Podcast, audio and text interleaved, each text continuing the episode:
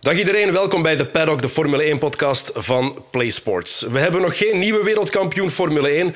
Max Verstappen is er afgelopen weekend niet in geslaagd om zijn tweede wereldtitel op rij te pakken. Hij had waarschijnlijk meer gehoopt van dit weekend, meer verwacht ook van het afgelopen weekend. Maar het uh, waren tumultueuze dagen voor de Nederlander en voor zijn team. En niet alleen voor zijn team, niet alleen voor hem. Er is heel veel gebeurd, heel veel om over te praten. En gelukkig is mijn vaste wingman terug. Sam de Jonge, welkom. Dank je wel. Je bent even weg geweest paar keer naar Barcelona moeten gaan. Absoluut. Op zich, hoe minder dat ik hier zit, hoe beter voor mij. Uh, en misschien voor jou en misschien voor de kijkers en de luisteraars. Maar dat betekent dat ik aan het racen ben. En uh, dit jaar heb ik er terug voor gezorgd dat ik wat meer in een auto zit. Uh, wat uiteindelijk mijn job is en mijn passie is. Dus ik zat in Barcelona voor, uh, voor de 24 uur daar. En, en je stond op het podium, dat is nog belangrijker, ja, Sam. Met winst. Dus we hebben die gewonnen in onze klasse. Um, en dat was gewoon een heel goed weekend voor mij. Gewoon om meer kilometers te doen in die Porsche, wat nodig is. En vanaf de eerste meter heb ik dat agressief aangepakt en dat werkte. Dus uh, gedurende heel de 24 uur was ik eigenlijk altijd de snelste op de baan uh, van alle Porsches. En ja, dat is een goed gevoel om nu de laatste race volgende week in Hockenheim uh, met Red Ant Racing aan te vatten. Dus voor de mensen die zich afvragen, Sam, race jij nog wel? Ja. Je race nog. Absoluut, ja. Dat is soms natuurlijk zo de discussie. Hè. Sommige mensen die dan Formule 1 kijken, die denken dat ik uh, een halve journalist ben, maar dat is absoluut niet het geval. Ik kom soms een beetje praten op tv, maar voornamelijk racen. Zeg nooit journalist tegen analist. Dat is, dat is ook wel waar, sorry. Voilà, zo weinig weet ik ervan. Kijk, dat is okay. je hebt iemand meegenomen waar je ook al wel eens tegen geraced hebt. Ja, klopt. En, uh, ik, ik, je weet, ik probeer altijd voor te bereiden met een leuke introductie. Ik heb een, uh, een gedichtje geschreven. Ja, dit is wel de meeste moeite die je ooit hebt gedaan. Ja, dat mag ook wel hè, voor, voor onze gast. Dus um, voilà, hier gaan we. Welkom aan de minder bekende broer van Chris. Al krijgt deze wel meer bis. Al jaren leading man bij een andere zender die ik niet ga benoemen. Maar belangrijker, hij kent ook iets van vroemen. Op het asfalt of door het zand, deze man is voor de concurrentie vaak een lastige klant. Vlaanderen sekssymbool speelde het Sportpaleis plat en hij reed zelfs in mijn gat. Gelukkig was het enkel op circuit. Sorry Koen, je bent gewoon mijn type niet. Het was hard om te verduren, maar ik ging door heter vuren. Hij speelde bij Crusoe. Welkom Koen Wouters, of zo. Dag Koen, welkom. Uh, plots uh, ben ik blij dat ik ooit eens in uw gat gereden Anders was dit gewoon onmogelijk geweest.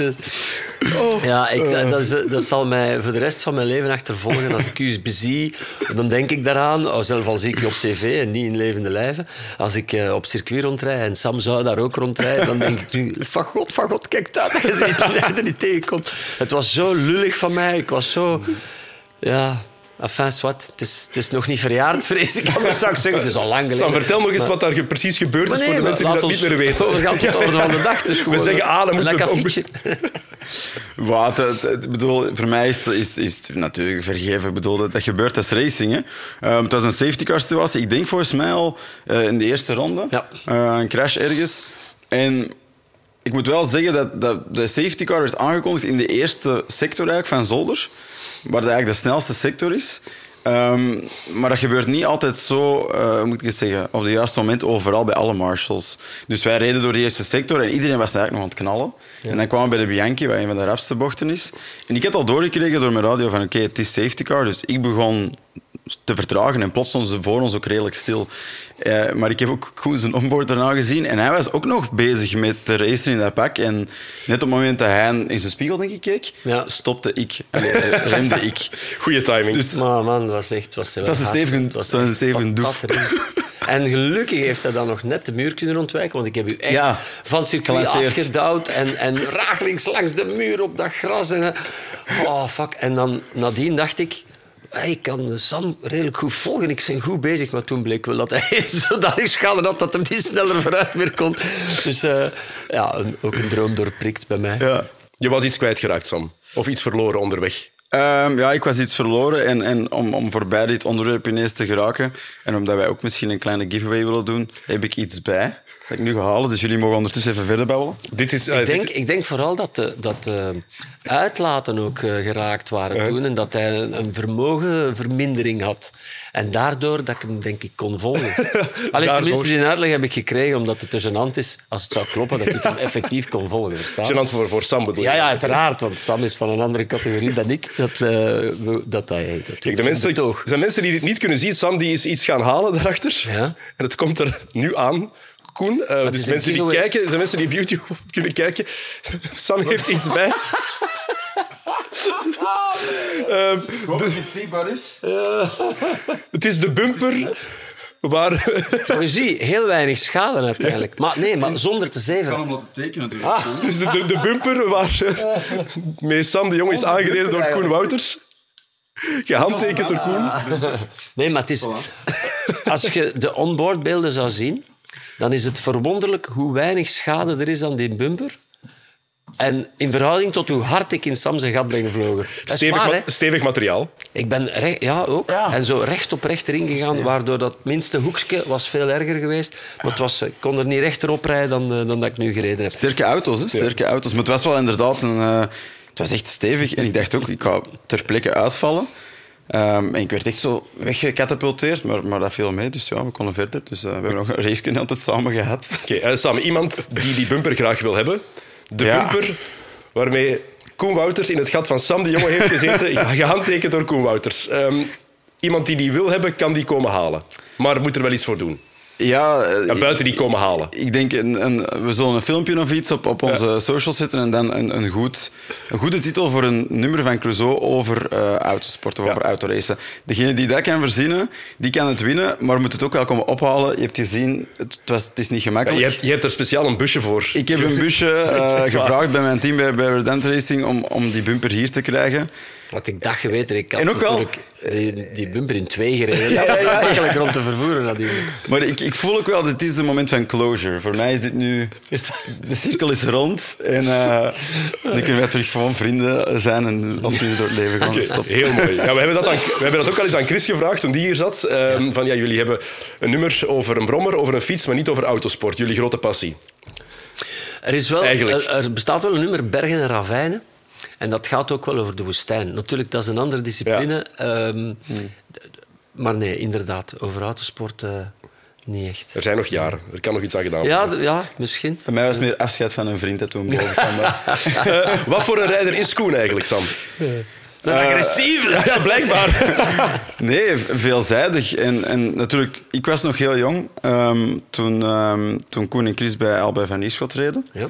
Eh, waar mijn vader ook ooit eh, een raceauto had gekocht, eh, niets wetend van hoe die sport in elkaar zit. Maar als klein manneke kwam ik daar dus al binnen en heb ik hem ook in die zin in het begin van die racejaren gezien. En ik denk dat achteraf zijn er meer bekende mensen BV's beginnen racen, maar ik denk bij hen was dat echt wel puur vanuit de goesting en de passie om die sport te doen. En er was ook wel veel commitment om dat goed te doen, en eigenlijk nog altijd. Het is verbeterd met de jaren. In de beginjaren was het ook heel veel van fun. En dan eh, uit een auto, direct onze auto win, naar een optreden rijden. Dat waren echt de gekke jaren van, van Clouseau. Want we zijn in 92 beginnen racen. Dus 30 jaar op de kop nu, dit jaar. En ehm, eigenlijk, na, na, ik zal maar zeggen, na tien jaar of zoiets... Pas dan zijn we een beetje met een auto beginnen rijden. Dat je zegt, oké, nu, nu begint het op iets te lijken.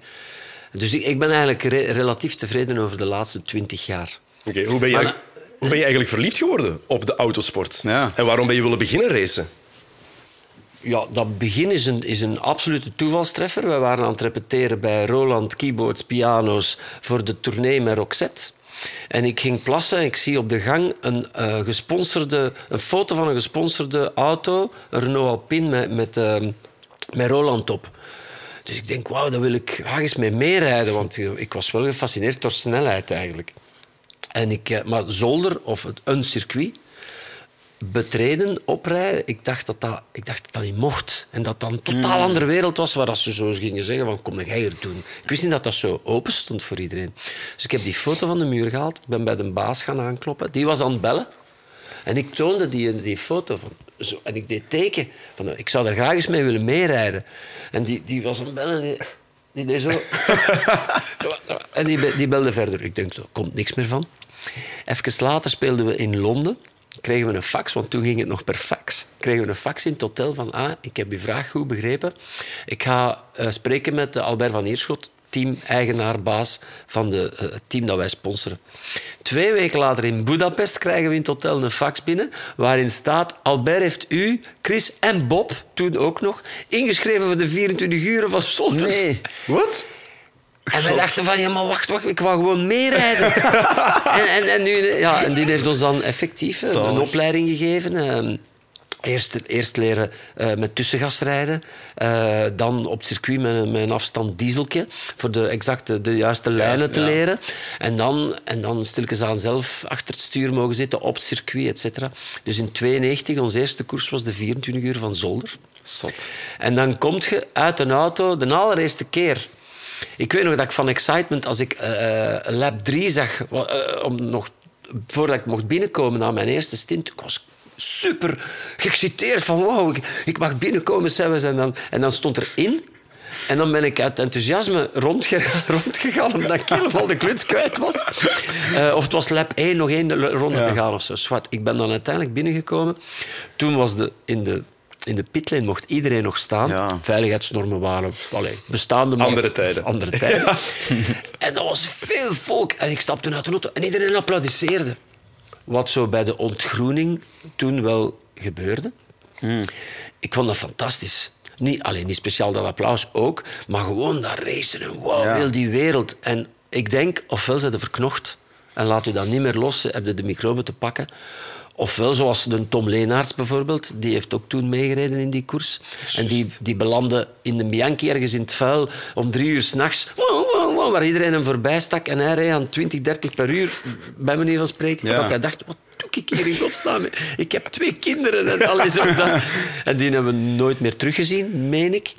Dus ja, Chris en ik, het was wel voorbestemd. Onze ja. liefde is zeer oprecht, uiteraard, anders duurde dat geen 30 mm. jaar. Maar het is pas goed beginnen gaan na x aantal jaren. Toen pas zijn we er ons echt beginnen... Voor, Omdat ja, je meer tijd voor maken Meer tijd voor gemaakt. En, en ook zo veel aha. Uh, toen we bijvoorbeeld... Ja. Uh, we hadden een Viper... Um, en plots konden we werken met data. Andere teams deden dat al langer, maar Albert heeft dat niet nodig. Die is zo, allez, zo getalenteerd en heeft dat allemaal niet nodig. Dus die vindt dat voor iedereen. Dus wij kregen ook hm. geen data.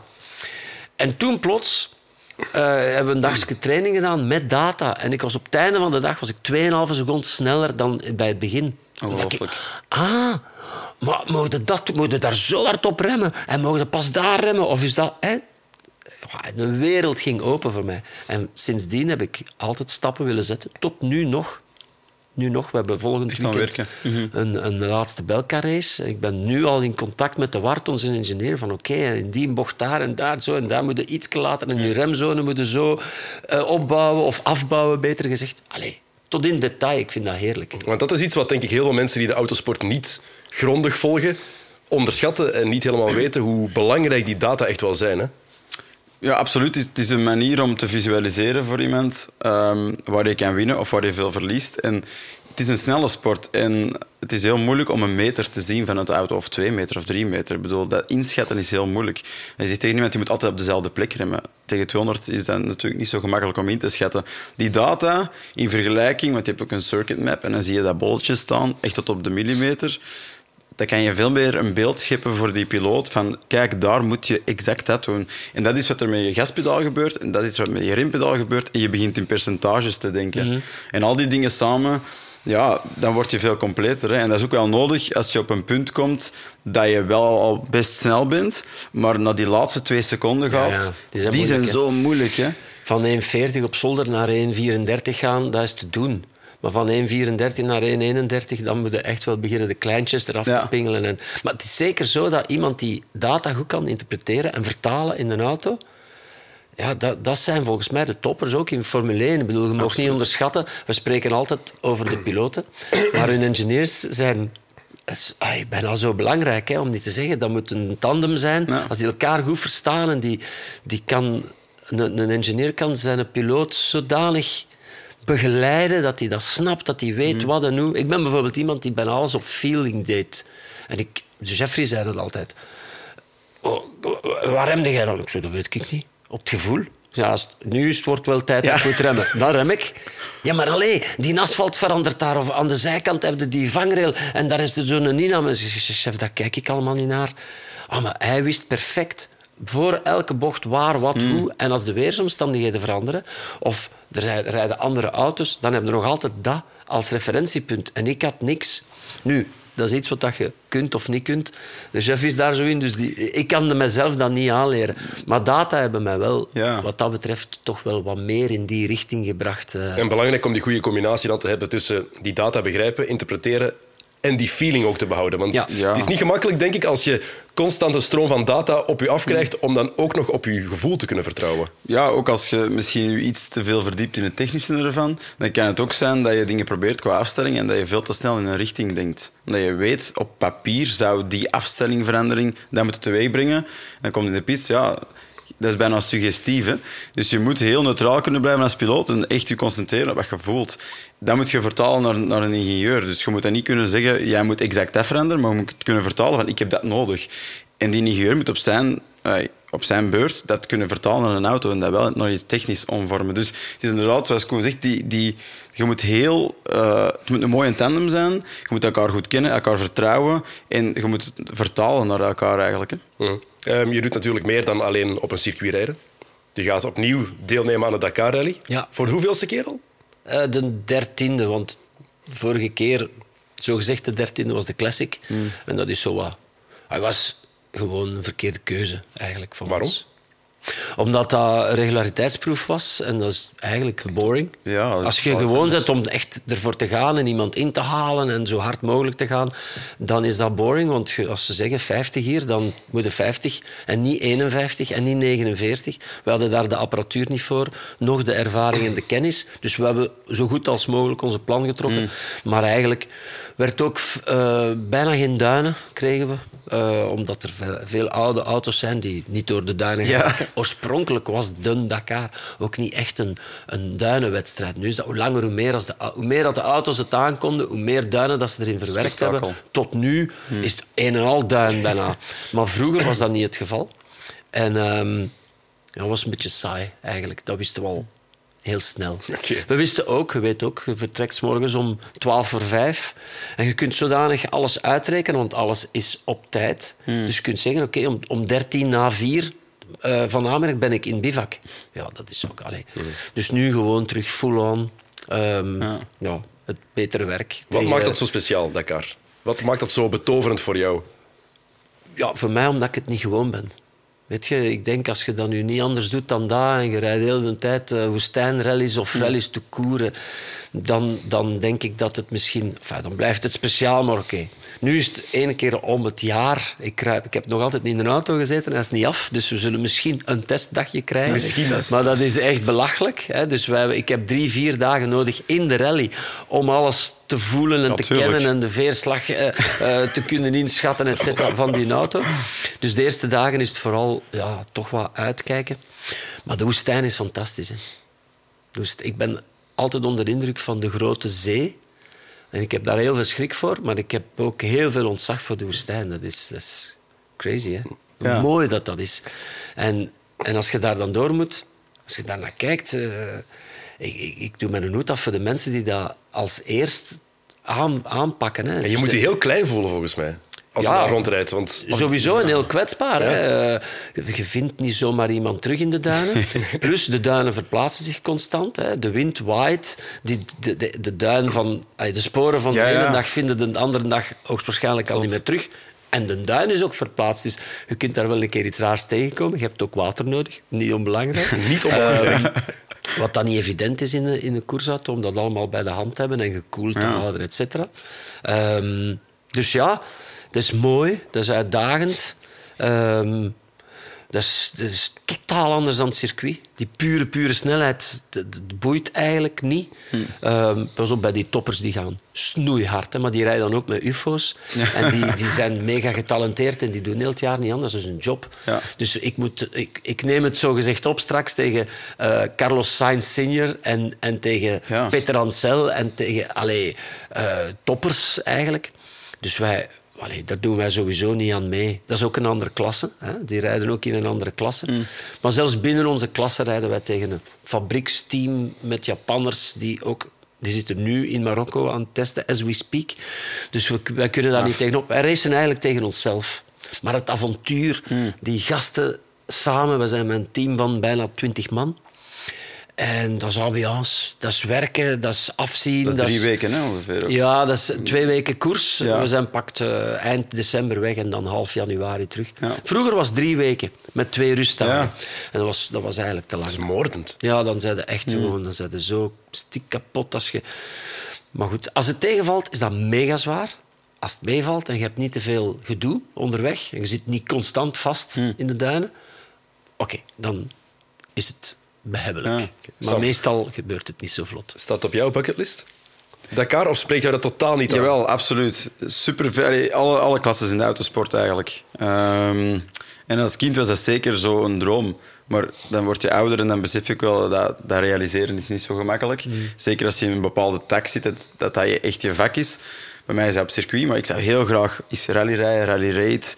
Ehm, Maar de manier om daar te geraken, daar ben ik nog niet, nog niet uit. En weet je, je zit in je actieve carrière, daar sponsoring en partners zoeken is al moeilijk. Dan zoek je dat niet voor side projects zoals dat. Maar ja, absoluut, dat, dat intrigeert mij super hard. En het is ook compleet anders rijden. Hè? Ja, maar... Het is niet gewoon nee. mensen denken, ja, het is met een auto rijden. Nee, dat is compleet, compleet iets anders. Dat is like mountainbike eh, fietsen Ja. of, op de, of de weg gaan Inderdaad. fietsen. Dat, dat heeft niks met elkaar te maken. Maar je En bent met een auto bezig. Je, je hebt natuurlijk Dat is wel het, de ja. sk- wat skills nodig, maar totaal andere dan op, dan op het circuit. Ja. En het, ja, het, is, het heeft vier wielen en de motor en een stuur en zo. ik heb geen- echt maar geen zak verstand van auto's. Ik kan er alleen mee rijden. Maar ik. mechanische, nee, ik mo- bereid je dat voor? Want dat is ook soms dat, dat je ziet dat ze in de duinen staan of, of een klein crash kunnen hebben gehad, dat ze zelf beginnen sleutelen eraan. Is Ja, dat dat je... Dus Ik ja. heb altijd gereden met navigatoren die eigenlijk mechaniekers zijn. Ja, ja. Nou, hè? Het is zelfs zo erg dat ze mij verbieden om na- aan een auto te komen. Ik mag er naar kijken, nog juist. Je mocht iets aangeven. zijn, eh, ik zal u een voorbeeld geven. De ene keer hadden we een platte band en ik kreeg met de Charlie Gottlieb met een navigator. Dat was echt een navigator, minder een mechanieker. Dus ik, eh, ik eh, wissel mee dat wiel en eh, we vertrekken terug. En na 100 meter wiel weg. Passeerde ons. Want ik had dat dus vastgemaakt terwijl dat die auto nog opgekrikt stond. En dat was niet... Allee, zwart. En dat was, de algemene, ja, dat was de algemene conclusie. Koen, jij komt nooit meer aan de auto. Wat ik niet erg vond, want het- mijn interesse ligt daar. Nee. Ik, heb er, ik heb er geen verstand van. Ik heb er geen, dan zeggen ze, geef mij een keer een 12. De wat? En dan zeg ik... Sleutel. ik- echt geen... Not a clue. En ik doe nu al zo lang... zit Zo, ik hier ik ga eens achter de duin staan. Niet kijken. Ja, maar dan zegt van, zet jij je daar maar. Hè, eh, hou je in stilte bezig en ik roep je wel als je terug achter stuur mocht kruipen. Rust af, voor Maar nu zit ik met de Pascal Verijn, mijn maat, eh, straks. De Pascal is beter dan ik, maar niet om te zeggen de grote mechanieker. Dus wat, wat we nu gaan proberen is wat onze Japanse concurrenten al jarenlang doen. Dat is, we hebben twee auto's, twee Land Cruisers 200. En we gaan de hele tijd bij elkaar blijven. Ja. Dat wil zeggen dat je om de zoveel kilometer vertraagt en kijkt in je achteruitkijkspiegel, volgt met een maat. Want onze tweede auto is dan zogezegd onze waterdrager. Ziet je die in je achteruitkijkspiegel, oké, terug gas erop en rijden. Als je ze niet ziet, echt wachten. Totdat ze, want we hebben die misschien platte band gehad of iets voor gehad. En dan in de duinen is het kwestie van eigenlijk makkelijker op papier dan in het echt. Maar je pakt een paar duinen, je zet je zodanig dat je terug kunt vertrekken. En dan ziet een andere, ah ja, hij stopt daar, boep, dan komt die af. Die passeert u, die pakt een paar duinen. Dan zie jij wat dat hem doet. Oké, dat heeft goed gemarcheerd. Oké, nu doe ik hetzelfde. En zo probeert je heel het duinencordon door te gaan. Is dat je vastzit, dan zet je met vier Ja. om te scheppen. Dan gaat het ook gewoon dubbel zo snel om je auto vrij te krijgen. Is dat nodig is om een keer een snokje te geven? Dat zou ook kunnen. Een auto die een auto trekt aan de koord door de woestijn, dat is niet te doen. Dat is ook levensgevaarlijk. Dat is niet te doen. Met een camion kun je dat nog net met veel moeite. Maar dus dat is onze aanpak voor de volgende Dakar. We hebben verder geen assistentie achter ons. Oké. Uitdagend. Dat is het minste dat we kunnen zeggen, denk ik. Toen mij denken aan, aan dat filmpje van de crash van Alonso, die, die Dakar Ah, ja, met ja, die Toyota Hilux. Ja. Er stonden heel veel mensen en dan over die duin. En ja, of niet ingeschat of niet gekeken. En Mhm. die vloog echt over de top. En dan is het Ja, ja, over ja, de ja. kop gaan. eh, het is toch wel echt wel Vlug een. Hè? Ja. Shinozuka had ehm, voor Mitsubishi de, de, de Dakar gewonnen. En het jaar nadien waren er hele grote, snelle, ronde duinen. Dat konden echt aan 100... Oh, wij, hè? Dat wil zeggen dat die mannen daar aan 150, 160 over gaan. 100, wow, op een heel, heel lange duinen boven. Allemaal mooi rond. Tot er eentje, wat dat je niet kunt zien, aan de achterkant weggeblazen door de wind. En dat was in de lucht. Die is 100 meter, 100 meter de lucht gevlogen, op zijn neus. Heel het spel in zijn gezicht gekregen. Ik heb die twee, drie jaar later teruggezien. Helemaal eh, ja, eh, plastische chirurgie en, en vertimmerd eigenlijk. Dus nog, was nog een schim van wie hij ooit was. En, en nadien hebben we hem niet meer teruggezien. Maar dus ja, het, Dat is waanzin. het kan gebeuren. Zeker voor die toppers of zo. Als je zo'n Alonso ziet, die is wel wat gewoon van snelheid. Dus die gaan er los voor. Ja. Ja. Weinig foutenmarge. Ehm, ja, we moeten het over de Formule 1 ook Ja. hebben natuurlijk. Ah, ja, dat is. Ehm, normaal zit er hier een andere Wouters om over Formule 1 te Het werd praten. tijd. Het werd tijd. Ehm, zou dat iets voor jou zijn, wat je broer doet? Formule 1 commentaar geven. Nee, nee, nee. Onze Christen eh, bereidt zich altijd heel goed voor. Eh, weet niet zoveel als Gert natuurlijk, maar weet genoeg. Dus ik vind dat, persoonlijk vind ik dat hij dat erg goed doet. Ik mis twee dingen. Dat is... eh, ik zou het leuk vinden mochten ze veel enthousiaster zijn.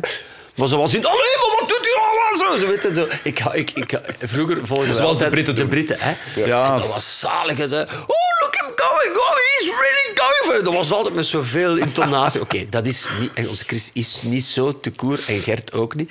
Dus ik leg me daarbij neer. Maar soms denk ik, allee jongens, kom aan, het is kei spannend. Je mag eens roepen hè, of je mag eens eh, iets raars zeggen. hè. Maar ze zijn altijd onder controle. En ook als hij dan naar het andere kanaal van PlaySports gaat om even aan de voetballers te zeggen. Maar elke gekletste fucking keer zegt hem... Ja, de anderen mogen toch wel eens ook met echte sportkennis. Ja, maar elke keer zegt hij dat. Dan denk ik, lezen een witte zetten we daarmee. vind ik Maar wel verder zalig. alleen maar lof. Want mooi. ik volg het, ik volg het graag. En eh, samen met, met, met Gert, eh, sorry voor u of chef of ding, maar de beste combinatie, die twee. Want jij zit er natuurlijk zo Ja, ja, naast. tuurlijk. Maar die twee, dat gevoelt dat wel. Dat, pff, ja. Een goede wisselwerking, hè, die twee. Ja, ja, ja. Ja, ja. absoluut. Ehm, wanneer en hoe ben jij Formule 1 beginnen volgen? Is dat ook altijd Geen idee. geweest of is dat gekomen door Nee. het racen dat je dat interessanter bent beginnen vinden? Ja, ik weet niet meer wanneer dat, dat ooit begonnen is. Ehm, ik weet ook wel dat ik nog ja, devastated was ook als Senna kwam te sterven. Ehm, en in- ik denk dat dat zo'n beetje de periode is dat ik ehm, meer om meer ben beginnen volgen. Maar rijkelijk laat al bij al hoor. Ik ben ook gewoon rijkelijk laat met Ja. alles wat autosport betreft. Voilà. Hè. We, allee, was eigenlijk eerst, 92, eerst dan wa- was ik foto. eh, 25 of zoiets ongeveer. Hè. Toen dat ik, eh, ik was net geen 25 toen ik mijn eerste race reed. Hmm. Dus de achterstand die ik heb eh, tegenover toppers, Hmm. is ook daar, ligt daar te verklaren. Allee, om te beginnen, puur talent. Dat is, allee, je hebt meegekregen wat je meegekregen hebt en daar valt niks aan te veranderen. Maar veel rijden en zeker van, van op jonge leeftijd rijden, dat is natuurlijk wel iets dat je nooit kunt inhalen als je dat niet gekregen hebt. En die combinatie met talent, kijk naar Max Verstappen. Hè. Ja, waanzin. Die is daarmee geboren. absoluut. Die heeft niks anders gedaan dan met de auto rijden eigenlijk, of met een kart rijden, weet ik veel wat. Hè. die gast is, is voorbestemd. Daarom. Om, eh, Ja. Ik kwam jaren geleden op, toen hij nog ehm, bij het tweede team reed, in, ging aan een barbecue van Red Bull. Zo, hè. En ik Toro was aan de, aan de babbel met, met Jos. En die zei, nou, Koen, eh, hij wordt wereldkampioen hoor. En ik zeg, Jos, eh, allee, ja, Ja. ik hoop het. Maar hè, toch voorzichtig zijn Ja. met dat soort thuis. Nee, nee, nee, zegt hij. Nee, het gaat gebeuren. Ik zeg, ja, maar alleen, dat is toch... Nee, nee, zegt hij. Ik, kijk, die gast doet dat vanaf zijn drie. Al, elk kartje waar ik hem in een wedstrijd insteek, verslaat iedereen. Maar werkelijk, iedereen krijgt op zijn doos. Ja. Dus, dus wie gaat hem kloppen? Zet hem in de juiste auto, in het juiste team. Wie gaat hem verslaan? Ja, uiteindelijk heeft ja, het, hè, hij heeft heeft gelijk, gelijk gekregen. Hè? Die jongen heeft heel zijn leven Maar de- altijd gewonnen. En, eh, Maar de puzzelstukken moeten toch wel juist Zeker, vallen. Hè? Want bedoel, dat is... En het kopje ook, hè. Ja, het kopje ook. Je moet het aankunnen, want het is niet te vergelijken met iets anders. De, de microscopische wereld wat bij Formule 1 is, qua media en druk enzovoort. Maar ik heb ook soms gedacht, ja, Max Verstappen die rijdt bij Red Bull. Hij reed al zes jaar bij Red Bull, had nog geen wereld, wereldtitel. En dan denk je, stel ze nooit een wagen bouwen waar die echt mee kan winnen, dan kan dat dus zijn dat zo iemand die zo ultra getalenteerd is, eh, het nooit wint. Hè? Of maar, of maar, dus aanhalingstekens, één keer of, Of twee keer wereldkampioen ja. wordt. Kijk naar Fernando Alonso, ik vind het het mooiste voorbeeld. Ja. Hij pakt twee wereldtitels op redelijk jonge leeftijd. Ja. En daar blijft het bij, terwijl hij wel de capaciteit heeft om ook zes, zeven Ja. keer wereldkampioen Ja. te zijn geweest, lijkt ja, mij. en daar tegenover staat dan bijvoorbeeld Vettel. Die wint vier keer. En maar ik hoop dat ik mij vergis, maar ik durf niet zeggen dat dat dan de strafste van, van die mannen is. Dus Vettel, Ik, ik, ik schat denk jullie altijd... Vettel hoger in dan Alonso bijvoorbeeld? Nee. Als we kijken naar talent. Nee, ik Daarom. absoluut niet. Nee. En ik denk altijd, zet Verstappen in een andere auto, die gaat altijd... Er, moet, er zijn er misschien Ja. één of twee dat ik, dat ik zou denken, oeh, daar gaat hem last mee hebben, maar anders gaat hij zijn koop, Ja. zijn, zijn de tweede rijder of de andere rijder, maar bijna altijd op zijn doos geven, denk ik dan. Ja. Die zijn gewoon Ja. zo breed getalenteerd. Hè? En als ik zie wat Vettel nu qua verschil maakt bij Aston Martin, ik vind dat veel te weinig voor iemand die vier wereldtitels heeft en dus zou ver. Sympathieke kerel, hè? Absoluut. daar niks van. Hè? Ik, allee, hij buit dat een beetje gezaagd. Maar ehm, ik heb er ooit eens tegen gevoetbald trouwens. Tegen Vettel. Ja? Ja, en ik speelde op hem. Jongen, jongen, dat- die bleef lopen. Dat was verschrikkelijk. Conditie. Enorm. Vreselijk. Eh, dit weekend was het in Singapore. Het was geen tof weekend voor, eh, voor Max Verstappen en Red Bull. Ehm, Sam, jij hebt er al eens gereden? Nee. Singapore? Heb jij nooit gereden? Nee, nee. Dacht dat jij er al eens gereden had. Nee, spijtig genoeg is het een, een stratencircuit. Ehm, ja, je mocht het aanpassen hè, op je laptop nu. Ja, ja blijkbaar. Slecht voorbereid. Je, hebt gelogen tegen mij dit weekend. Dat kan ook. Simulator had er moeten achter Ja, inderdaad, godver. Ehm, nee, er rijden weinig klasses. Hè. Dus het is echt een Formule 1 eh, weekend. Dus in die zin niet. Eh, maar ik heb het natuurlijk vaak gezien. En het is wel een, het is een, het is een mooi circuit, het is een mooi event op de kalender. Eh, die avondrace met al de lichten, het is gewoon knap. En ik vind ook qua layout een van de betere stratencircuits. Het is een combinatie van snel, toch wel tricky, en het trage technische, wat een stratencircuit meestal is. Als je het puur vergelijkt met Monaco, ja, dan verliest Monaco. Dat is er om andere reden, historische reden. Maar eh, Singapore, ja, ik vond, eh, het, is, het heeft misschien niet helemaal gedelivered eh, gisteren. Ja, de omstandigheden waren ook niet evident. Hè? Nee. Gisteren en eergisteren wa- was het echt heel moeilijk. Absoluut. Ja, die regen heeft gewoon veel...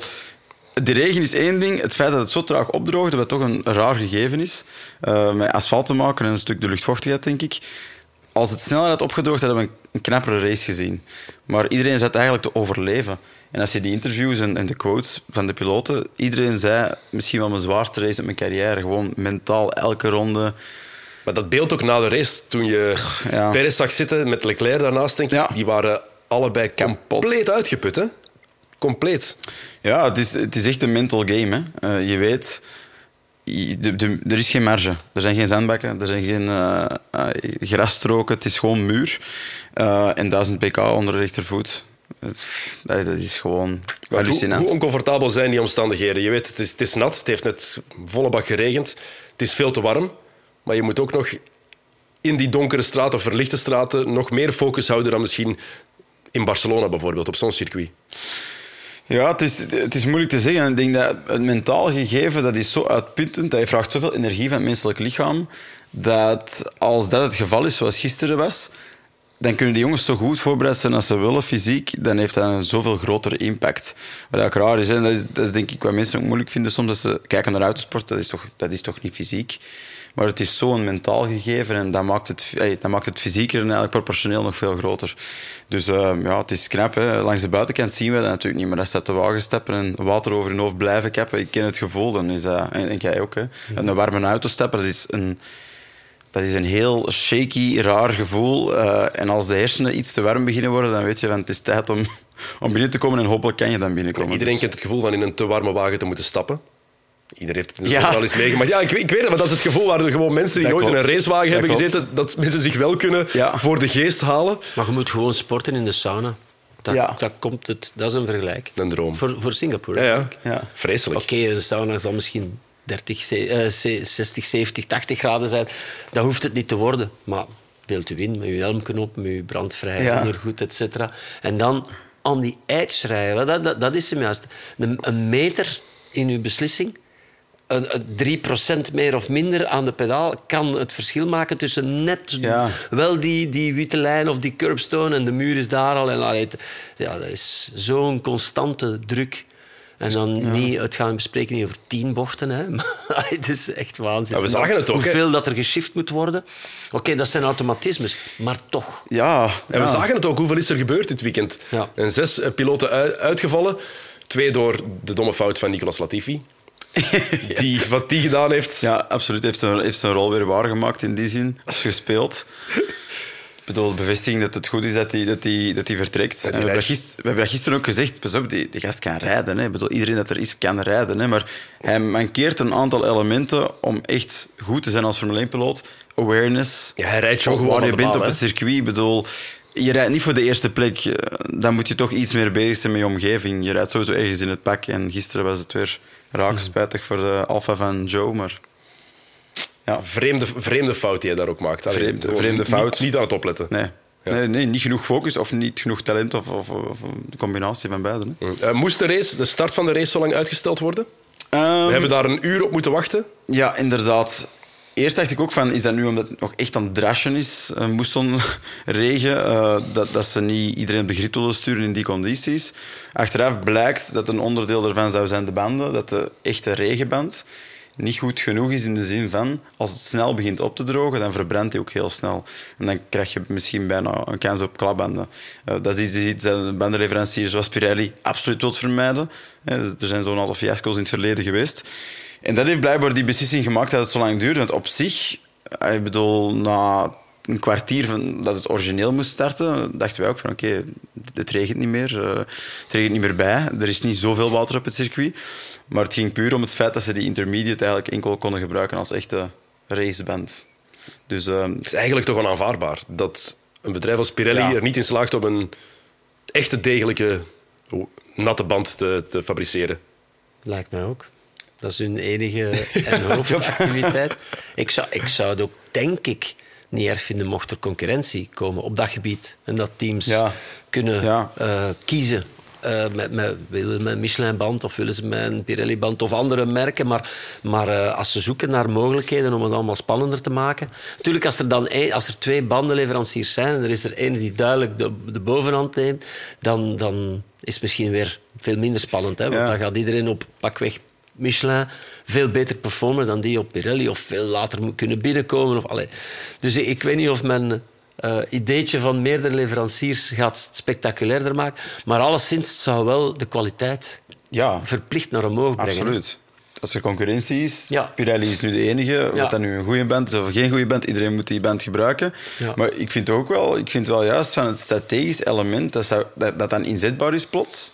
Dat is wel iets Ja. leuk. Hè? Want wij hadden het kort over voor deze uitzending. Koen, ja, dus het feit dat het redelijk statisch is geworden, daar zoeken ze natuurlijk dingen voor om dat te verbeteren. Sprintraces, ze willen naar omgekeerde grids gaan.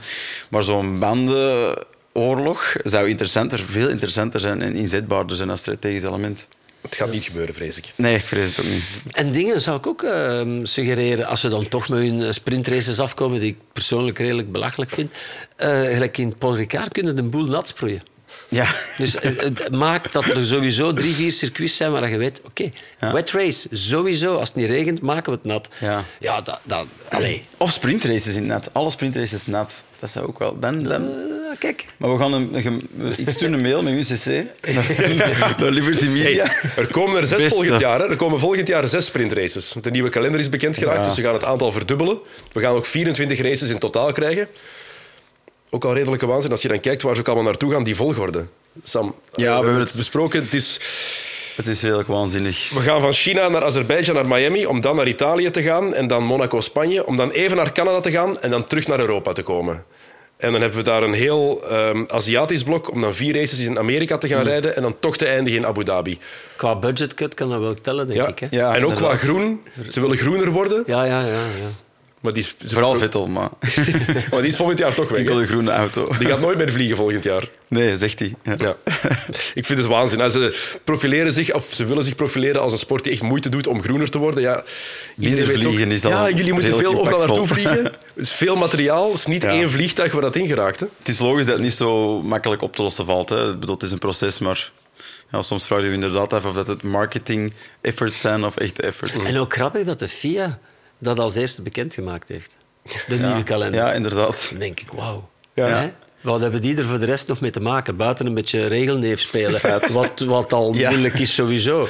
Maar daar moeten we nogal lef voor hebben eigenlijk. Hè? Die nieuwe gast daar, eh Ja. dat is een Ja. naam dat ik niet kan Ja, uitspreken. niet. Ehm, Dus dus- Soleimani is het die? hè? ja, ik denk Ben. Soleimani? Ja, wilt echt... eh, wil zich zodanig profileren om meer in de game te zitten en meer beslissingsrecht te hebben. Maar eigenlijk, ja, wat hebben die nog in de pap te brokken? Het is een oud orgaan, hè. Het is echt een oud orgaan. En, en Jean Todt was ook ergens een fossiel geworden binnen dat oud orgaan. Ja, boetes geven, dat doen ze nog. Hè? Ja. Mercedes heeft een boete van 25.000 dollar gekregen omdat Hamilton toch zijn neuspiercing in had, terwijl hij een doktersbriefje had waarop stond dat de dokters hadden gezegd je moet het inhouden, want je hebt net een geïnfecteerde wonde gehad, dus als je die nu gaat uitdoen, dan is de kans te groot dat hij het meteen weer gaat infecteren. spelletje ook. Hè. 25.000 Dat is wat je dan dollar. hè. Ja, Ja, en zo'n doktersbriefje, dat, dat is wat je dan krijgt. Hè, al die zever. dat op is- Formule 1 niveau. Hè. Dat is eigenlijk...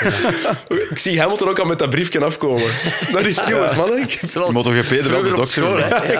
ja, maar ik heb een briefje van de dokter. echt- Mag niet meedoen aan de lo. dat is zo- Valentino Rossi, de dokter, die kan met zijn eigen briefjes. dat is zo onnozel. Voor Mercedes was het wel een teleurstellend weekend. Denk ik dat ik wel mag zeggen. Hè. Het was zo de grote prijs waar ze dachten nog eens te kunnen meedoen voor de overwinning, echt. Of toch hoopten. Ja, ze komen, ze komen op zich nog, nog een aantal tienden tekort ten opzichte van Red Bull en Ferrari. Dus dat is gewoon een feit. En dat is gewoon hoe die auto is eh, ontworpen. En dat gaat in die zin niet verbeteren. Dat kunnen ze enkel volgend jaar doen. Ehm, ze zijn altijd goed geweest in de races. En nu leek het inderdaad in quali dat ze, dat ze heel dichtbij zaten. Ze zaten ook dichtbij. hè. Hamilton zat dicht bij die pole van Leclerc. scheelde niks. De echte pole had normaal gezien Max Verstappen geweest. Maar die Mercedes, ja... mm, Raar weekend eigenlijk. Een beetje sterk in quali, toch voor, voor Lewis dan. En Ja, dan- Russell die was, Russell was nergens. had geen goed gevoel in de wagen meteen. Nee. Maar nu in de race hebben ze het een beetje laten afweten. Ehm Lewis die zo'n beetje vergat waarom dat hij er was op die positie. Eh, ja, die, die heel impulsief terug begon te rijden. Een beetje zoals vorig jaar soms zagen in dat gevecht met Max Verstappen. Imola, denk ik, was het. Heeft hij ook zo'n aantal stoten gedaan. En dat was out of character, moet ik zeggen. Want hij maakt daar een foutje en het is wel straf. Hij is de enige die daar al zo vaak mee weg lijkt te komen. Die rijdt in de bandenmuur en toch blijft zijn wagen op een of andere manier intact. Ja, maar hij, hij gaat er dan wel minder hard in. Ja, absoluut. Dat is ook een kwaliteit, Dus, hè? eh, ja, Ja. is- hij is dan nog beter in zijn stommiteiten dan Ja. iemand anders eigenlijk. Dat is echt Ja, onwaarschijnlijk. Het was, het was voor iedereen tricky, hè, want dan natuurlijk heeft Max daar op het einde... eh, als hem Norris nog probeert uit te remmen, eh, dan denkt hij van... Allee, we hadden nog een toer of twee, drie gewacht en even aangekeken. Hadden nog veel kansen gehad. Heeft hij trouwens de laatste twee ronden bewezen. Ehm, maar ook daar op dezelfde plaats hebben er nog zoveel anderen zich misremd en zo. Dus het was voor iedereen eh, tricky. Maar zoals Sam zegt, eigenlijk de kwalificatie was... Daar, daar moest het gebeuren. Hè? Ja. Ja, en En er is niet veel veranderd hè, eh, Nee. in, de, in de volgordes van de kwalificatie. Perez en, heeft gewoon een betere start gehad. Hij was meteen... Ja, ze zei ja. Meteen Buiten de start van Perez Ja. en die van Max was dan erbarmelijk. Maar verder had hij gewoon eh, de pole position moeten hebben. Hè. Met Ja. gemak. Hè. Ja, Ja, dat, dat verschil, als je dat zag, want we hebben, hebben opbouw ervan, die vergelijking ook gezien. Hè? Het laatste rondje van, van Max, Ja. net voor hij binnen moest komen dan, en de pole lap van, van, In van Leclerc. screen, hè? In was Ja, een dat seconde, dat, was, dat was al een seconde Dat verschil. is machtig om ik te vind zien. dat machtig om te Ja. zien, ook omdat je inderdaad afvraagt als leek. Allee, we zijn nu geen leken, maar toch iedereen die de- het volgt, denkt... Oké, zo een zucht. Hè. Twee tienden. Ho, Dat is niks. Hup, het is weg. Maar wat, wat geeft dat in meters? En dan zie je dat echt van...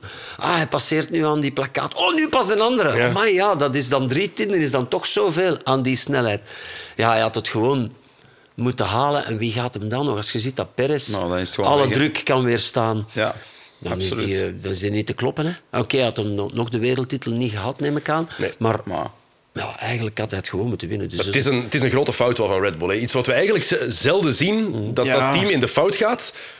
Want Absoluut. ze hadden aan Verstappen gezegd dat hij het, het, het voorlaatste rondje dat hij gereden had moest afbreken. Terwijl hij daar om ook, de gap te creëren. terwijl hij daar ook duidelijk Ja. sneller was. Het was ook een pole-rondje, dus hij heeft twee pole-laps eigenlijk niet kunnen rijden. Ja, inderdaad. In die voorlaatste ronde zat Gasly dan ergens in het vizier. En, en de kans dat hij die zou tegenkomen in zijn laatste rondje was dan groot. Ehm, en dan hebben ze inderdaad gezegd, oké, maak die gap wat groter. En dat is inderdaad vreemd. Ze op die moment, dan, ze monitoren alles, alle waardes van die auto. Dus ze hadden makkelijk kunnen zien dat er niet genoeg benzine in zou zitten om die ene liter over te houden, dat ze moeten overhouden voor die sample te pakken. En- wat gebeurt er als je met minder dan een liter binnenkomt? Wat dan? dan, word je, dan, kan, dan kunnen ze eigenlijk geen sample pakken. Eh, of toch ge- geen sample die voor hen eh, substantieel groot genoeg is. En dan start je vanuit de pitlane. En dat is natuurlijk, natuurlijk is het veel erger. Dus hem binnenroepen op die ronde, op die topronde, was juist. Maar ze hadden gewoon de inschatting van... Ja.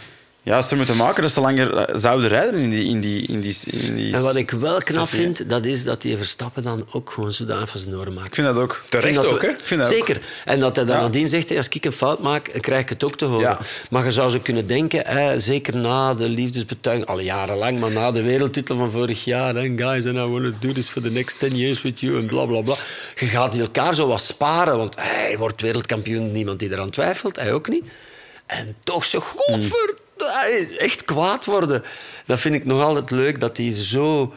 Ja, Het zegt iets over de passie en ook, Ja, ja, en ook de- over de, de professionaliteit. Ja, over de winnaarsmentaliteit en ook Ja. over zijn positie in het team. Hè. Ja. Het is ook wel duidelijk dat hij zich dat kan veroorloven. Het is zijn team. natuurlijk kan... Ja, zeker. Het is echt zijn Hij team. is hè. ook gewoon de, hij is ook gewoon de beste. Absoluut. Wat gaan ze doen?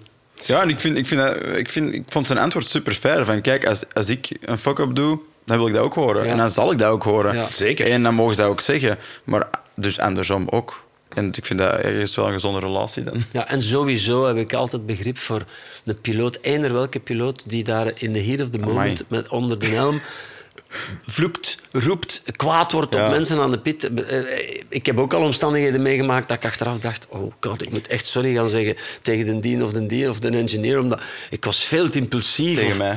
Tegen jullie heb heb ik gedaan trouwens. Hè. Je hebt het gedaan. Ja, ja, maar goed, ik, heb een keer, ik herinner mij eh, situaties op de, op de piste dat ik echt kwaad was op ene.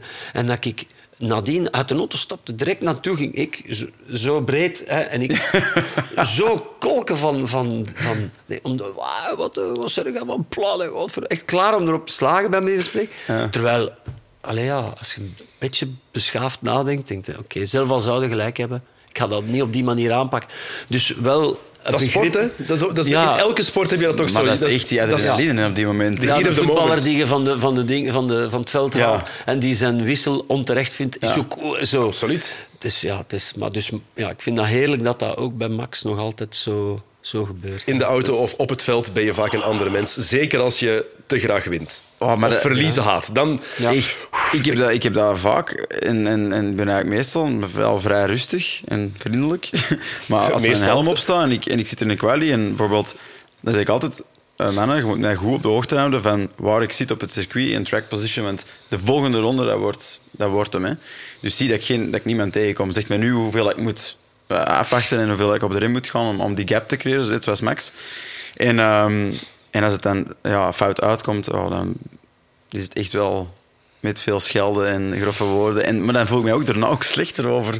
Dan wil ik ook inderdaad zeggen van, ja, sorry, dat, dat- je moet dat echt hopelijk kunnen scheiden. Dat ben ik niet. Dat is Ja. dat is een, piloot die wil een andere persoon vallen. Eh, Max Verstappen wordt wereldkampioen volgende week in Japan als hij acht punten meer scoort dan Leclerc en zes meer dan Perez. Dus Perfect eh, mogelijk. ja, als hij wint en het snelste rondje heeft, dan is hij sowieso wereldkampioen. Ja, ik vind wel een beetje voor mij heel dat van wanneer wordt hij wereldkampioen in al die scenario's. Ik ben er niet zo in geïnteresseerd. Bij Liberty Media zijn ze er wel in geïnteresseerd. Ja, en die gaan niet willen dat het volgende week gebeurt. Nee, nee Daarna is het de, de States. Amerika. Dat is Ja. vol- volgens mij is dat voor hen het perfecte scenario. Verstappen die daar wereldkampioen wordt. Mm. in de nieuwe, tussen aanhalingstekens, markt. Of de markt die nu vooral interesse toont in eh, Formule 1. Of meer interesse toont. Ik denk dat ze dat heel graag gaan willen. Maar ik denk dat de kans dat hij het kan winnen met snelste ronde is uiteraard zeer eh, mogelijk. Ik denk dat ze het bij Red Bull en Max ook zelf wel graag zullen hebben, want er is nog altijd die Honda-link. En dan wil je toch in Japan die beker omhoog steken. Maar het Ja. zal niet... Het zal, ehm, allee, ja, het zal van Ferrari afhangen dan. Hè. Ja. En, en van, eh van Perez misschien. Hè. Want daar hebben we Ja, eigenlijk... Als, kan doen, als Perez tweede kan worden, Ja. ja. dan, is, dan is het Dan- geklonken dan is het zeker. Hè. Ja, daar hebben we het eigenlijk nog te weinig over gehad. Want Perez die heeft wel een ongelooflijk sterke race gereden. Ja. Van begin tot einde. Dat ik is- heb geen seconde getwijfeld aan het feit dat die mens zou, niet zou winnen. 100% driver of the day. Hè. Ja. Ik bedoel, hij kwam eigenlijk uit een heel moeilijke periode van weinig te presteren en dan kwam weer in vraag stellen van wat doet hij daar. Maar gisteren was gewoon klasse, pure klasse, die start. En dan dat koelbloedig blijven. Hè, want geen foutjes maken, alleen op een piste, een natte piste met een Formule 1-auto, dat is al heel moeilijk. Maar als je dan Charles Leclerc in je nek hebt zitten hijgen, waarvan je weet dat hij ook durft hem langs de binnenkant gooien, ik weet niet, gewoon foutloos. En dan op het einde ook nog uitlopen. Hè? Want hij moest die vijf seconden voorsprong houden, want hij heeft uiteindelijk nog een straf gekregen na de race, wat trouwens het belachelijkste ooit is. Zijnde, wat heeft hij gekregen? Vijf seconden Vijf- straf. Toch die vijf Ja. seconden. Maar geef Ja. dat tijdens de race. Als je dat, je, je moet, je- ik vind het onaanvaardbaar dat de steward dat beslist na de race. Je, je hebt tijd genoeg om dat al Ja, er- dat is waar. terwijl te beslissen. Hè? Wanneer wisten we dat? Drie kwartier voor het einde wisten we al, ze zijn het aan het onderzoeken. In 45 minuten kan maar je dat je wel het nu wist beslissen. of niet, hij, hij wist sowieso, het team wist sowieso. Het kan gebeuren. een gap van Ja, 5 ja. plus, hè, want de kans is Inderdaad. groot. En dan eh, was het misschien zijn verdienste sowieso, maar ook eh, Ferrari. Het was op, hè? Ja, op het de was bandjes helemaal van. Leclerc. Dus in één keer werd die gap... Je dacht van, amai, gaat die echt een hele, hele nipt worden. In één keer was het 7 seconden. Waar In no time, hè? De cliff, hè? De cliff, hè? Hup. Ja. Dat dus ehm nee, knap, knap gedaan van die kerel. Maar dat dat- is wel, dat vind ik, een van de meest interessante dingen aan, ehm, eh, aan Formule 1. Dat is de, waar dat die gast nu vandaan komt. Je moet maar eens de tweede piloot zijn in zo'n team naast Ja. Max Verstappen. hè. Dus hey, dat is een mindgame. Hè. Maar eh, je, je ziet dat bij Ricciardo ook dit jaar. Wat ik super erg vind, want hè, die geeft altijd een mega sympathieke... En, en dat kan niet dat die... Talent verloren- is. Ja, nee, die heeft sowieso geen talent verloren. En hij heeft het ook al genoeg bewezen. Hij heeft Ja, Monaco absoluut. gewonnen, hij heeft Monza gewonnen. En, allee, dat, dat gebeurt niet zomaar. Hmm. Dus die gasten kunnen allemaal met de rijden. Oké, de ene net dat zuchtje beter dan de andere. Maar toch, Ja. it's a mind game. Dat is ongelooflijk. eh, Allee, hoe, hoe dat je daarmee om moet gaan Hmm. als je op je doos krijgt van iemand die hetzelfde materiaal heeft. Hmm. Alhoewel dat dat misschien niet altijd helemaal klopt en dat ze dingen Ja. ontwikkelen in uw richting, meer in de richting van een van de beide piloten. Wat dat bij Max verzekerd het geval zal zijn. Maar toch, ik vind dat een van de meest fascinerende Maar- onderdelen. Dat is dat Ja. koppeke. Maar ik vind het interessant, van, oh, bij, bij Mathieu van der Poel hebben we er ook over gehad, van iemand zoals jij, Koen, die ook in uw eigen vak uitblinkt, wat ook, performance is toch ook, allee, ook een mentaal gegeven. Is dat iets dat je een stuk terugvindt in de autosport? Is dat waarom het u een stuk aantrekt? Is dat, of is dat totaal niet te vergelijken? Want dat, dat is ook presteren. Ik, ik, het is in die zin niet te vergelijken. Je stapt het podium op en dat is een speeltuin. Je hebt geen concurrentie. In die zin dat er niet een ander... Allee, ik bedoel, het is geen Ja. sport tegen elkaar en ik wil winnen. Het is gewoon fun. En oké, je hebt veel voorbereidingen, je moet je job kennen. Maar dat geldt voor u ook nu. En dat iedereen, in het beste geval, kent zijn job. Ja. Ehm, maar eh, inderdaad, ja... Ik ben, ben, ben, ben mijn draad kwijt. Maar allee, in, in, in, in het kopje... In het kopje is dat... Ja, daar moet je op inzetten. Hè? Tuurlijk. Allee, ik neem aan Ja, dat ja, die, dat die, Dat personal trainers die ze allemaal hebben, dat dat ook mensen zijn die wat eh, pedagogie, psychologie Ja. kennen. Hè? En dat die daar ook moeten op inpraten. Want je kunt gaan zien dat je fit bent en geld uitgeven Mm. voor de laatste milliseconde te kunnen verbeteren. Maar als je piloot niet goed zit tussen zijn oren, forget it. Hè? Ja. In elke sport, het mentale is zo belangrijk. Doorslaggevende Bij Kim Kleister zag je dat bijvoorbeeld vroeger ook altijd. Hij heeft dat ook al in interviews toegegeven. Als zij zich mentaal iets minder goed voelde, Ja. dan presteerde zij ook veel minder goed op een tennisveld. Ja. En toen Dat het geldt wel voor goed ons zat... allemaal, neem ik aan. Hè? Tuurlijk. Zelfs gewoon van hier te zitten. begint met goed voelen. Goed Ja, voelen, nu vel voelen. Dan, dan kun je potentieel bereiken. Hè. Maar ik denk dat dat klopt met die personal assistants, die coach. Die, die zijn erbij om eigenlijk die piloot doorheen dat wereldje, wat de paddock is, ertussen te wringen. Maar hoe langer, hoe een meer... beveiligde manier. In de sport in het algemeen, hoe langer hoe meer geraakt dan nu ingebeeld. Geaccepteerd. Ja, Ja, ja, dat- meer. dat- Zeker. Dat je psychologen hebt eh, in Ja. clubs, eh, voor, voor, voor atletiekers, voor ah, whatever, ah, op, op alle gebieden. Ja. Dat is wel goed. Hoe lang gaat eh, Perez alleen nog kunnen leven met deze rol? Want het is en Nog blijft wel een ambitieuze mens. Denk je niet dat hij volgend jaar zijn kans gaat willen krijgen? Maar eh, het, het scheelde niet veel of hij, za- of hij had geen Formule 1-plaats meer twee seizoenen geleden. Dus die is gewoon heel erg blij dat hij in de topauto zit. En Ja. kijk, hij heeft toch weer zijn race gewonnen. Ik denk dat hij braafjes gaat blijven zitten waar dat hem zit. En over een paar weken gaat hij mogen winnen in eigen land. Hè? Ik geloof nooit dat Max Verstappen Als- gaat dan al wereldkampioen zijn. Daar gaan ze toch alles aan doen Dat is het ideaal om, scenario natuurlijk. Hè. om Perez in Mexico te laten Denk winnen. jij echt dat hij Max zijn voet gaat lichten als hem... In Mexico? ja, in Mexico, ja. Als, als hij dat doet ja. en Perez beseft dat, dan gaat Perez voor de rest van zijn dagen alles doen voor Max Verstappen. hè. schoenenkuisen. Maar echt alles? Dat moet. Ja. Ik denk dat het een hele- Begin is een de goede 30 vraag. ergens, hè? 33 of zo. Enfin, Ik denk dat het- het zou toch een slimme- het kijk, zou toch een slimme zet zijn? gegund, hè. Ja, het is hem- Ehm, het is precies het is een supergoeie piloot en ik denk dat hem sympathiek is ook. Hè. Zijn vader krijgt wel een attack, denk ik. Dat denk ik ook. ja. Hij is van 1990, dus 32. Ah, Ja. Dan heeft hem in het beste geval toch nog wel een paar jaar. Ja, ja, absoluut. Ik zou het, Ja, ik nee, zou het mooi kunnen. vinden. Het zou kunnen. Maar ik denk dat... eh, Het zal, het zal toch meer gaan over, allee, over de toekomst van Perez, hoe lang het die inzetbaar is voor Red Bull. Ja, Heeft vanaf- hierna nog één jaar contract, hè?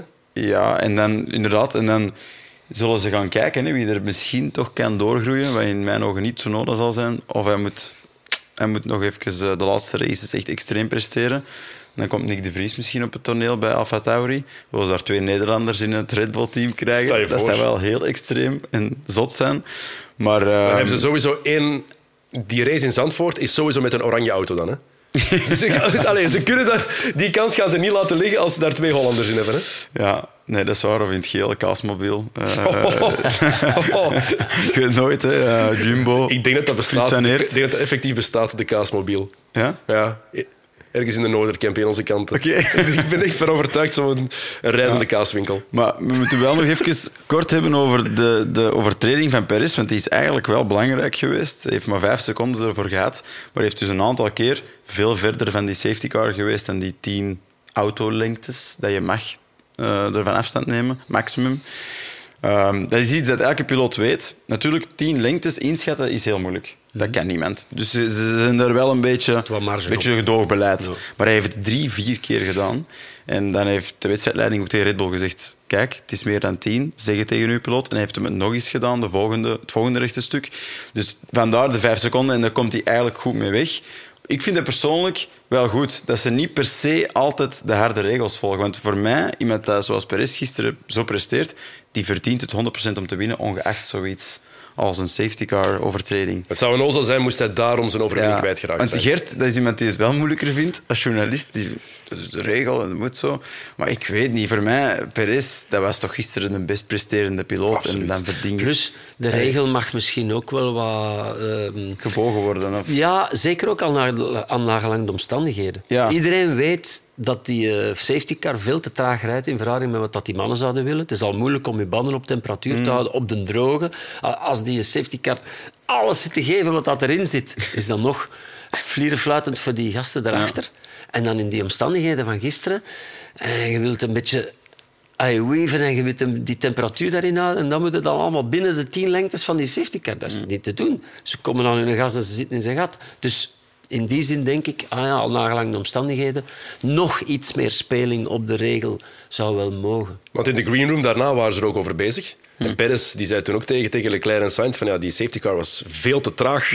En ze gaven hem ook wel gelijk. Is er ook één keer bijna gaan, gaan naastrijden. Ja. Je zag hem ook tekenen van vooruit gast, geeft gas. Maar op, voor zo'n gasten is het al moeilijk om op de baan te, te, Ja, te voilà. blijven. Maar zo voor de safety car wilde ook niet hebben dat die, die heeft overal genoeg marge, want die wil ook niet dat in de band. Nee, voilà. Hoe belachelijk en zou het, dat lijkt, zijn? hè? en het lijkt dat hij, dat hij traag rijdt, die safety car. Maar, nee. dat is knallen, hè? Dat is, ja. gewoon, ja, dat is gewoon dat we die snelheid... Die shots gewoon zijn van die Formule 1-auto's in die bochten. Maar die, die gasten zijn aan het knallen. Hè. Ja. Het is gewoon in die Formule 1-auto's, ze rijden in tweede, derde versnelling. Boop, ja, dat is een ander verhaal, hè, downforce. Dat is toch een jobje voor u, Sam, later. Als je stopt met racen. Safety car, piloot. Dat bent toch nog een beetje in de waan dat ik... Later, hè? Ik zeg het. Over 15 jaar. Dan ga ik, dan ga ik misschien Dakar Pas op wat dat Koens gezegd proberen hè. Voor 15 jaar wat zeg je nu? doen. Eh, 31. Kijk, jongen. Ja. Ik ben 55. 91 ben ik geboren, hè, dus een jaar voordat jij ze beginnen racen eigenlijk. Ah, kijk, voilà. Dat is Dus- mooi. Ja, dat is mooi. Ik wou er iets zinnigs op zeggen, maar ik kom, kom op niks. Het is oké, het is nog het is rond de middag als we dit opnemen, dus dat is te begrijpen. Eh, wel eh, geschiedenis voor Perez. Ehm, de eerste mens sinds 2011 die Monaco en Singapore in hetzelfde jaar wint. Dat is heel uniek om die twee stratenraces in één jaar te winnen. Zoveel kansen zullen er nog niet geweest zijn. Voordien sowieso al niet, want wanneer zijn ze begonnen in Singapore? Ja, en dat is, ook- dat is ook- 2008 zijn ze daarin begonnen.